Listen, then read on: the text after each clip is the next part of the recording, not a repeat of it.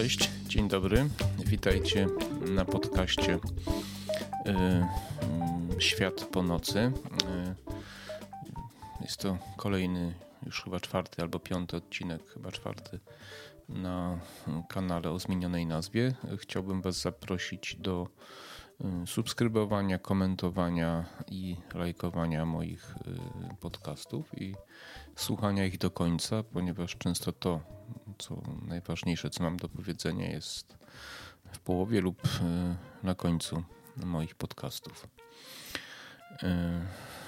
Dzisiaj to jest, dzisiaj nagrywam taki odcinek w pewnym sensie spontaniczny, bo pewnie myślałem o tym temacie, ale jakoś tak nie miałem. Znaczy, jeszcze jakoś tak nie mogłem się zebrać. E, jestem na.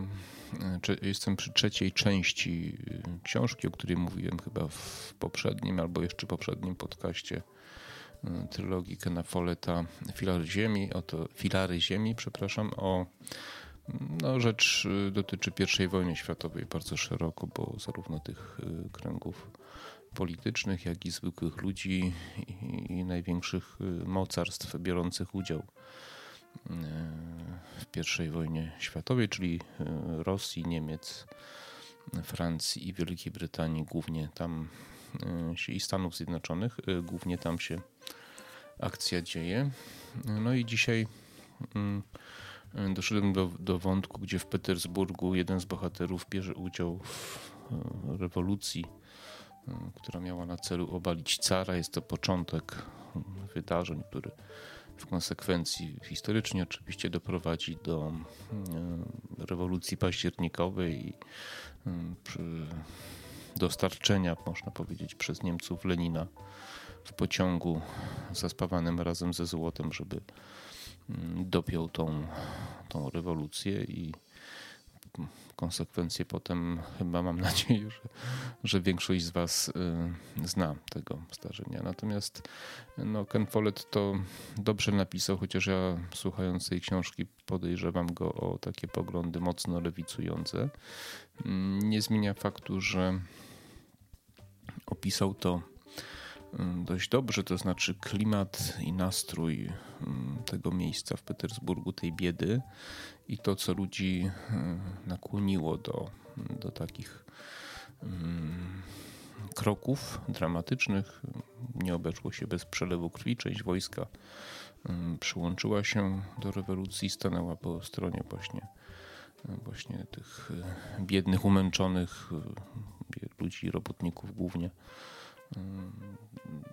po prostu umęczonych wojną i biedą, kryzysem, głodem, brakiem pracy itd. Tak itd. Tak no i tam jest też właśnie dość y, dobrze przedstawiony ten moment, kiedy już te pierwsze emocje opadły y, i kogo trzeba y, wybrać na przywódców a kiedy już udało się mniej więcej to ogarnąć, no to co dalej robić, prawda? I to, to mi właśnie zmotywowało do, do dzisiejszego podcastu, ponieważ on tam to dość y, nie bardzo tak precyzyjnie, szczegółowo, ale dość dobrze oddał klimat tego, przed jakimi wyzwaniami stają rewolucjoniści, y, ludzie, którzy dorwali się do władzy nie z powodów wyborów demokratycznych, ani nie z powodu dziedziczenia swojego stanowiska, tronu, wszystko jedno, tylko przez zdobycie władzy siłą lub na fali poparcia społecznego, prawda? No i wtedy właśnie tam najlepiej pokazuje, że tak, na razie, tak, tak naprawdę ci ludzie nie mają nic y, konkretnego do zaoferowania. Ich pomysły biorą się z ich y, propagandowych y, wystąpień ideologicznych, broszur różnych itd. Tak I mają tak teoretycznie przekazać władzę ludowi za pośrednikiem ich przedstawicieli, co jak wszyscy wiemy zawsze kończy się fatalnie natomiast nie potrafią rozwiązywać tych najważniejszych dylematów, dla których ta rewolucja wybuchła.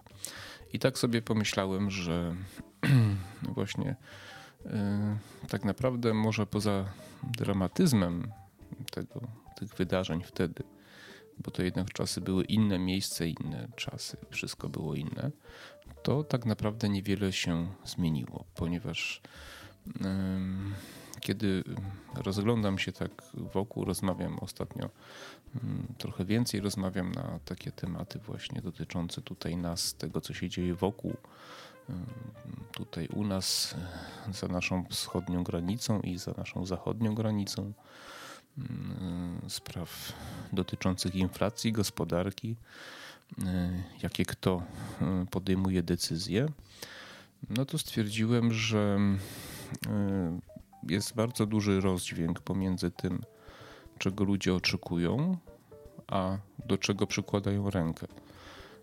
Bo z jednej strony oczekują państwa dobrze zarządzanego i chcieliby żyć w państwie, gdzie można pracować, dobrze zarabiać, korzystać ze służby zdrowia, a z drugiej strony popierają ludzi, którzy na pewno tego nigdy nie zagwarantują.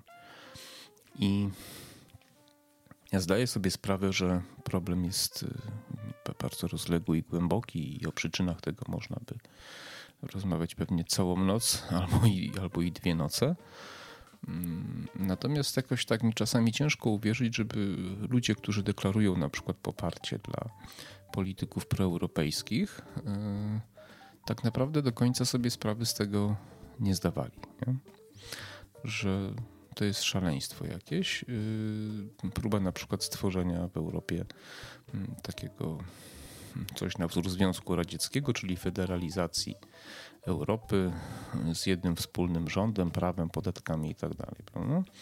I z marginalną rolą państw, prawda? Bo to do tego, do tego zmierza.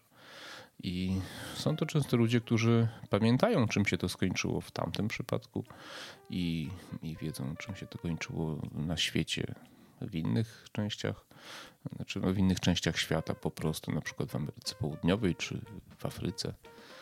Próby właśnie takich e, rządów centralnych, e, zideologizowanych, opartych właśnie nie na zdrowym rozsądku, nie na przepisach prawa, nie na nie opartych na prawie tak zwanym naturalnym i też nie opartych na pewnych sprawdzonych już ekonomicznych zasadach, tylko na ideologii. No, zawsze kończą się tak samo i e, zastanawiam się, co powoduje, że, że ludzie tak dokonują pewnych wyborów, jakby w oderwaniu od zdrowego rozsądku. Tak? Co powoduje, że głosują na ludzi, których nigdy by na przykład u siebie w firmie nie zatrudnili i na przykład nigdy by nie powierzyli im do zarządzania nawet jednej pensji swojej. Bo na przykład yy, nie wiem, czy ktoś z Was pozwoliłby na przykład Jarosławowi Kaczyńskiemu zarządzać chociaż niewielką częścią Waszego majątku. Tak? Albo czy ktoś by zdecydował się na to, żeby yy, minister infrastruktury odpowiadał za budowę Waszego domu. No, albo minister zdrowia, żeby za wasze zdrowie odpowiadał, żeby was leczył na przykład.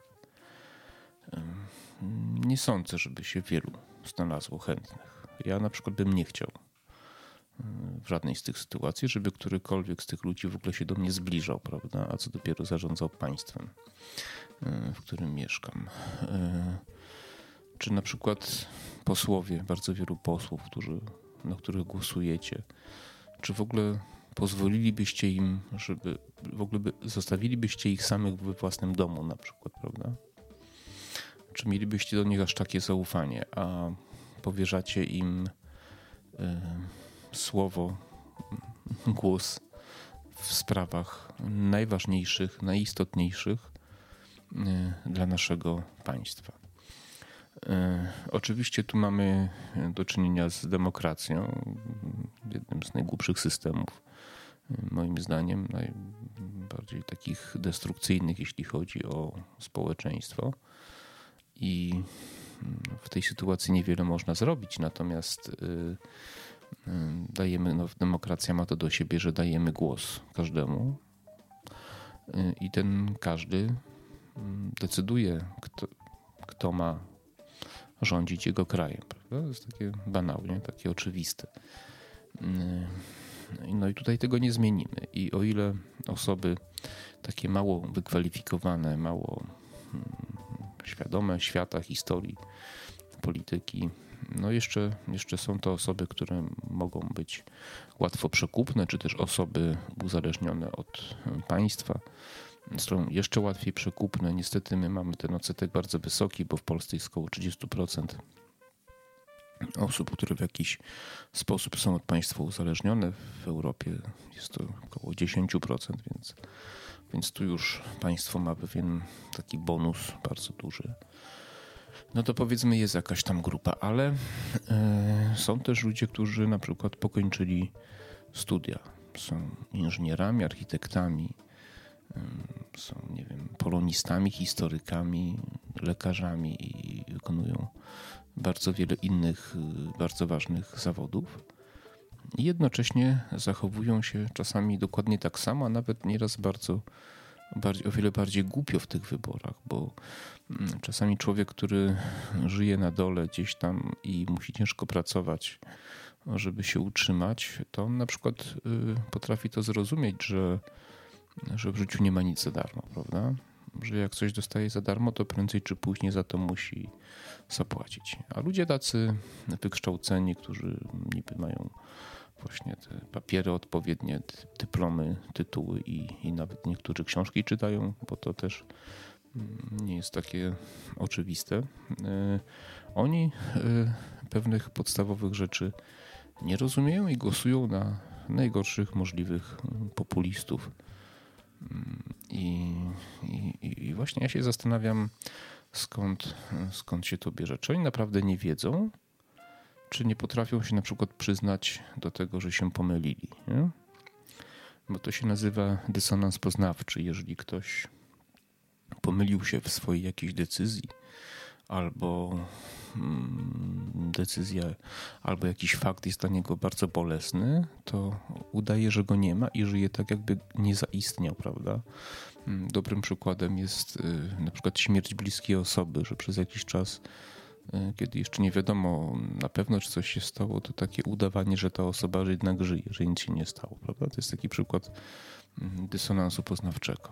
I, i moim zdaniem y, my mamy do czynienia z takim dość zbiorowym dysonansem poznawczym, że mm, bardzo wiele osób podjęło, ja również podjąłem decyzję o poparciu tego, gdzie my tu teraz jesteśmy. To znaczy, kiedyś poparłem rząd Platformy, kiedy się, kiedy się Platforma założyła, kiedy to miała być partia liberalna, prawda, taka bardzo wolnościowa, wolnorynkowa, podatek liniowy.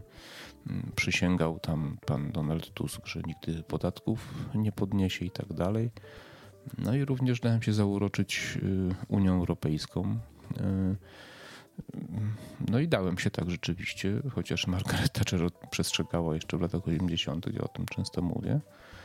Mm, I, i dałem się zauroczyć. Tylko, że mm, no cóż, no ja taki akurat jestem i znam też trochę takich osób, nie chcę sobie przypisywać tej cechy, że no ja nauczyłem się wyciągać wnioski, że jeżeli ktoś mnie oszukał i to wychodzi po jakimś czasie, to ja Mm, nie wstydzę się przyznać do tego, że pozwoliłem się oszukać, bo, mm, bo ja właśnie tak to pod, postrzegam. To znaczy, że nie tyle mnie oszukano, co dałem się oszukać.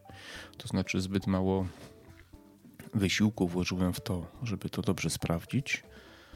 E, no lub też e, wykazałem się po prostu naiwnością, tak? brakiem zdrowego rozsądku wtedy. Więc e, no powiedzmy, że ja przez jakieś 6 7 lat rzeczywiście mm, jakoś tam nie bardzo entuzjastycznie, ale no byłem na plus, jeśli chodzi o projekt mm, europejski i naszą pozycję w tym, w tym wszystkim. No potem mi to przeszło mm, po tym pierwszym kryzysie 2007, 2008 roku, 2009, bo to było kilka lat takiego, takiego kryzysu. Mm, po podnoszeniu podatków, po polityce Unii Europejskiej, po traktacie lizbońskim, który nas pozbawił w zasadzie dużej części naszej suwerenności, no zmieniłem front. Uważam, że człowiek ma prawo zmienić front. Teraz jestem przeciwnikiem Unii Europejskiej i, i, i, i też widzę swoją wielką taką naiwność w tych, w tych, jak patrzę wstecz, prawda. Natomiast y, zauważyłem, że duża część ludzi mm, zafiksowała się w tym i jest gotowa popierać właśnie osoby, które są całkowicie skompromitowane, obiektywnie skompromitowane, ale mimo wszystko popierają i dalej wierzą w tą Unię Europejską. Y, wydaje mi się, że to jest też taki mechanizm, że jakiego by do porównania użyć? Może takiego, że na przykład kobieta albo mężczyzna związał się z kimś, prawda? I ten ktoś miał duże poważanie w społeczeństwie, czy to będzie mąż, czy to będzie żona. Miał swoją pozycję, był dość bogatym człowiekiem y, i w zasadzie nie było żadnych powodów, żeby się z tym kimś nie związać, nie wejść w związek małżeński. No, kiedy się dostali, to w ten związek, kiedy już go zawiązali, nagle się okazało, że ten ktoś na zewnątrz dalej jest y, taki oficjalnie taki dobry, no ale w domu leje. Albo psychicznie gnębi, albo nie wiem, albo mm, no, wykorzystuje w jakiś sposób, prawda? Nie pozwala, zabiera nam naszą suwerenność, wolność, nie pozwala, nie wiem, no wychodzić z domu, nie pozwala oglądać telewizora, zabrania nam czytać gazet. Ale kiedy wychodzimy z nim na spacer, jest cały czas mm, dobry i pozytywny.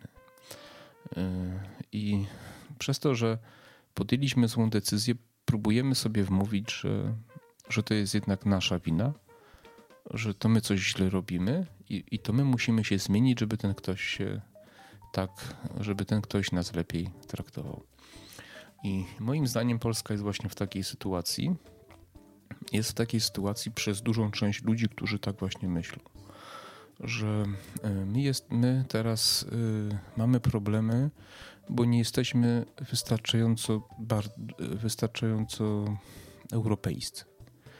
Że, że musimy y, jeszcze bardziej się pozbyć naszej suwerenności, jeszcze bardziej się dostosować, jeszcze bardziej wypełnić tego, co wypełnić to, czego oczekuje od nas Unia Europejska, w zasadzie Niemcy, i wtedy będziemy już na pewno na równych prawach, będziemy już dobrze traktowani.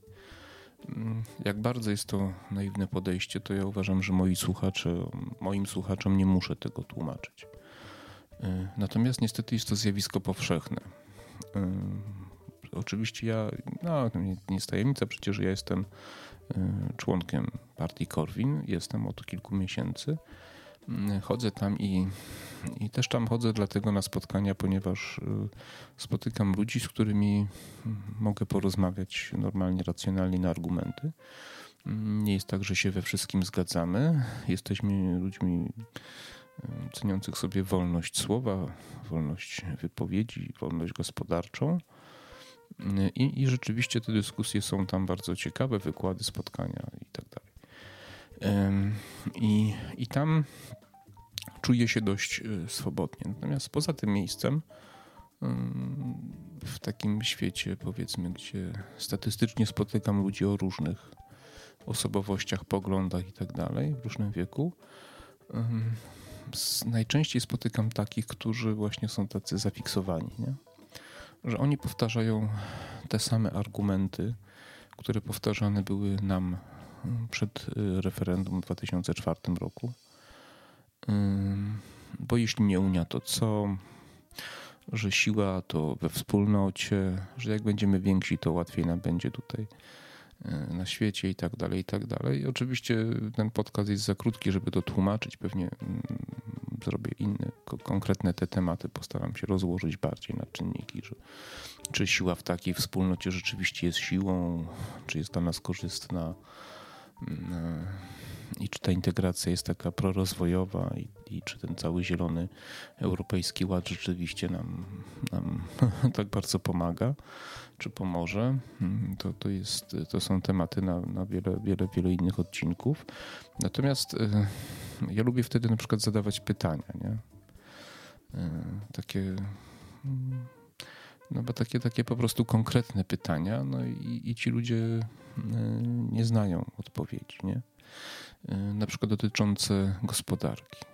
Że skoro jesteśmy we wspólnocie, to dlaczego nas Europa y, niszczy na przykład każdą gałąź przemysłu, która jest konkurencyjna wobec Niemców na przykład, czyli drobiarską, transport, meblarską i tak dalej.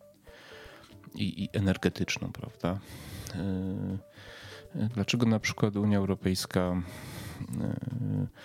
Y, szantażuje nas y, wbrew traktatom, prawda? czyli odnośnie sądownictwa i tak dalej. Jakby pomijam fakt, mm, czy ja popieram, czy nie popieram te różne izby dyscyplinarne, bo to nie jest o tym odcinek.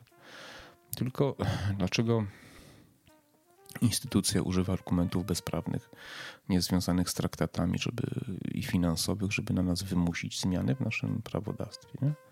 Dlaczego tak jesteśmy traktowani? Dlaczego na przykład w, y, y, nasz system prawny, który przypomina bardzo systemy niemiecki czy hiszpański, u nas jest krytykowany, a w tamtych krajach nie jest krytykowany. I kiedy y, zaczynam zadawać takie pytania konkretne, mm, to okazuje się, że ci ludzie mm, nic nie mają do powiedzenia, ponieważ mm, oni powtarzają tylko to, co usłyszeli w tych głównych mainstreamowych mediach, lub mm, po prostu no, nawet nie w tych mediach, tylko jakby powiedzieć, zostało im to z dawnych lat, prawda? Nie analizują, nie zastanawiają się, po prostu to jest dobre i koniec. I nie ma żadnej dyskusji. No? I no i tak sobie myślę, że chyba znowu mm, no niestety chyba znowu, żeby żeby zmądrzeć, to znowu ci ludzie będą musieli poczuć to na własnej skórze. I teraz pytanie, czy to w ogóle nie jest taki standard na świecie, że nie da się dokonać zmiany w, w mentalności człowieka, dopóki ten człowiek sam na własnej skórze nie poczuje, do czego prowadzi jego naiwność, niewiedza, taka, prawda, populizm i, tak dalej, i tak dalej. Mm, jest to bardzo trudne. Ja się z tym osobiście nie mogę pogodzić, ponieważ y, no, ja jestem człowiekiem, który stara się być, myśleć, analizować y, wszystko, co się wokół mnie dzieje i podejmować decyzje na podstawie racjonalnych przesłanek. To znaczy, staram się dowiedzieć czegoś i odepchnąć emocje na bok. Przykre jest to,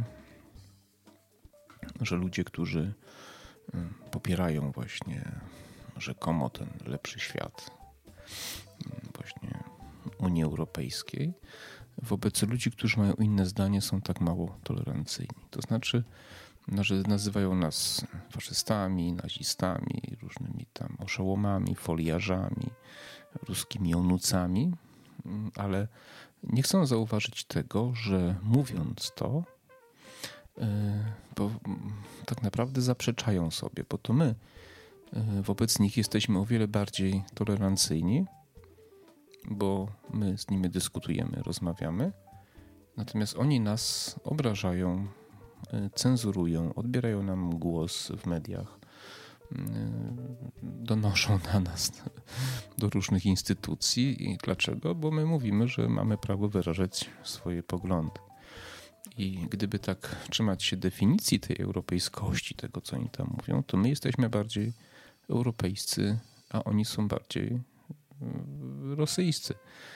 Bo to oni uważają, że mają jedyną słuszność, tak jak kiedyś uważali hmm, pierwsi sekretarze, tacy jak tam, nie wiem, no, no, Borys Jelcyn to, to już był później, ale powiedzmy Gorbaczow czy Chruszczow, czy, czy, czy jeszcze wcześniej Stalin, prawda? To oni, oni uważali, że, że to e, oni mają jedyną słuszność i cała reszta ma ich słuchać. I ja bym chciał zwrócić się teraz do wszystkich zwolenników Unii Europejskiej, którzy tak się zachowują, to wy mówicie, że wy macie słuszność, a my mamy was po prostu słuchać, bo wy jesteście po właściwej stronie. I, i z wami nie ma dyskusji, bo to my musimy się dostosować, bo jak nie, to jesteśmy oczywiście faszystami. I no i tak, no i tak chciałem się z wami podzielić tym, tymi obserwacjami, bo myślę, że to są rzeczy niebezpieczne.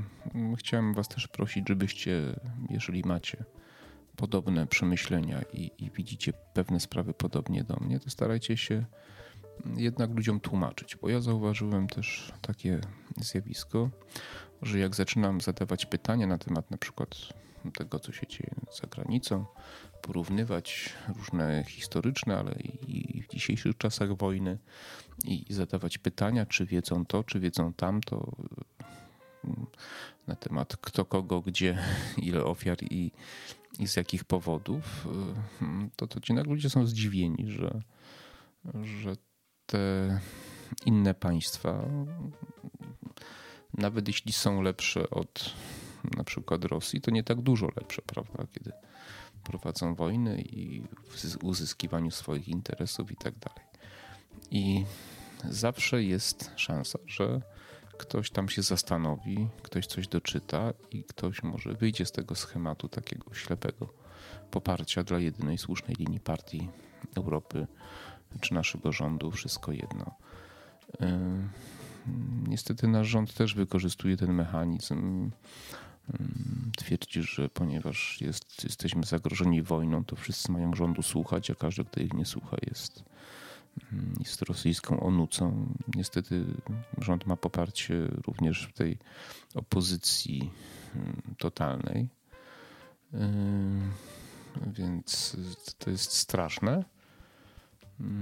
No ale jest, no cóż, co mamy zrobić? Trzeba sobie przypomnieć, jak to było w latach 80. Ja pamiętam końcówkę, ale pamiętam.